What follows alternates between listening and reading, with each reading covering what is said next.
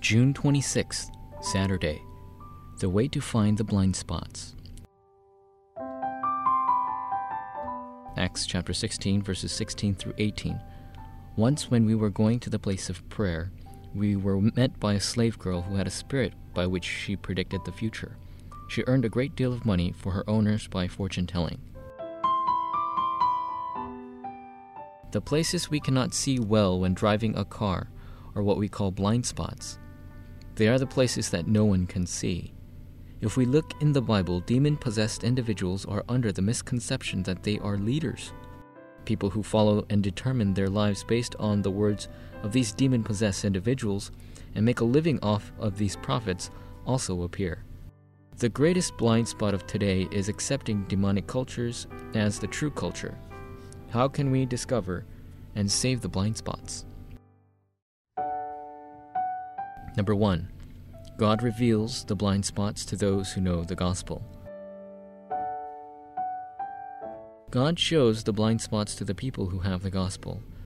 God gives the works of the wind and fire that nothing can block as evidence to the individual who grabs onto and becomes a witness of the covenant that Jesus is the Christ, the kingdom of God, and the mystery of the filling of the Holy Spirit. It is about saving the blind spots that are crumbling with this evidence. At this time, the word becomes fulfilled at church, and the answers of experiencing the works of God in the field continue. Number two, God reveals the blind spots to those who know spiritual problems.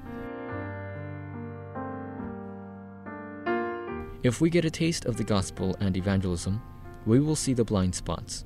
We will see the discarded blind spots transform into disaster fields. These are the blind spots that are fallen into fortune telling, divination, and idolatry. People are wandering in the midst of this. Having lost their way, there's no place to go. Through us, God desires to revive the blind spots. Number three, God prepares the blind spots for those who know what spiritual authority is about.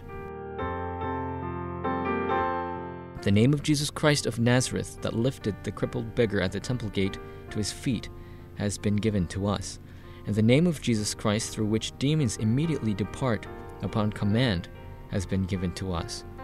All we need to do is grab hold of this name through faith. This is because praying in the name of Jesus Christ of Nazareth absolutely results in answers. Forum topic Where are the blind spots of my personal life, my evangelism field, and my church? Try making an important conclusion regarding the blind spots while grabbing hold of the name of Christ.